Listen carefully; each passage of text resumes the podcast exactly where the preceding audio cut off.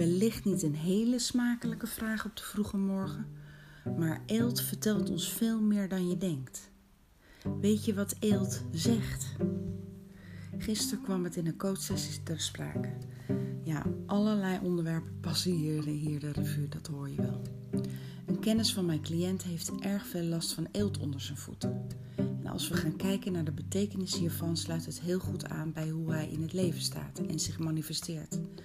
Wat zegt het wanneer je eelt hebt en vooral veel eelt? Want normaal eelt, dat hebben we gewoon nodig. Daar kan ik je ook alles over vertellen, maar dat ga ik nu even niet doen. Wat zegt dat over je denken, dat eelt? Wat zegt dat over jouw persoonlijkheid? Het geeft eigenlijk aan dat we te hard voor onszelf zijn en hierdoor ook verharde en angstige bedenksels veroorzaken.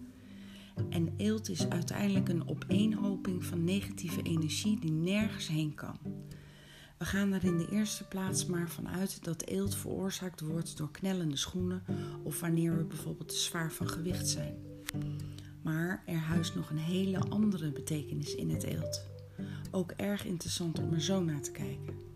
Het eelt kan je namelijk iets vertellen. Heb jij verharde begrippen en ideeën?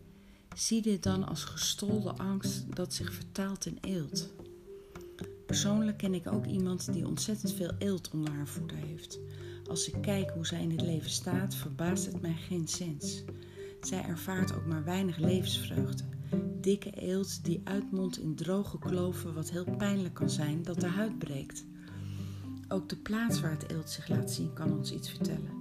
Eelt onder de hak van je voet bijvoorbeeld geeft aan dat iemand heel hard voor zichzelf is en erg onzeker. Er zijn natuurlijk meerdere plekken waar eelt zich laat zien. Eelt onder de voorvoet geeft het gebied van de slokdarm aan. Dat je te veel slikt van anderen. Dat je altijd maar in dienst staat van de ander en dit eigenlijk helemaal niet prettig vindt. Lastig vindt voor jezelf op te komen en te kaderen.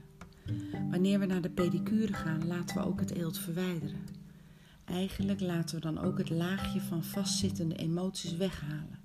We laten ons harnas los en kunnen openstaan om deze emoties aandacht te geven. Dit doen we door er met ons denken mee aan de gang te gaan. Zo kunnen we zien hoe ver we zijn in onze loslaatproces.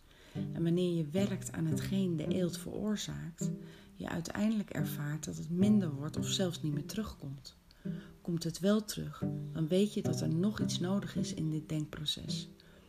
Kijk er maar eens naar op deze manier. We gaan zoveel meer over onszelf en de ander te weten komen. Denk je mooi?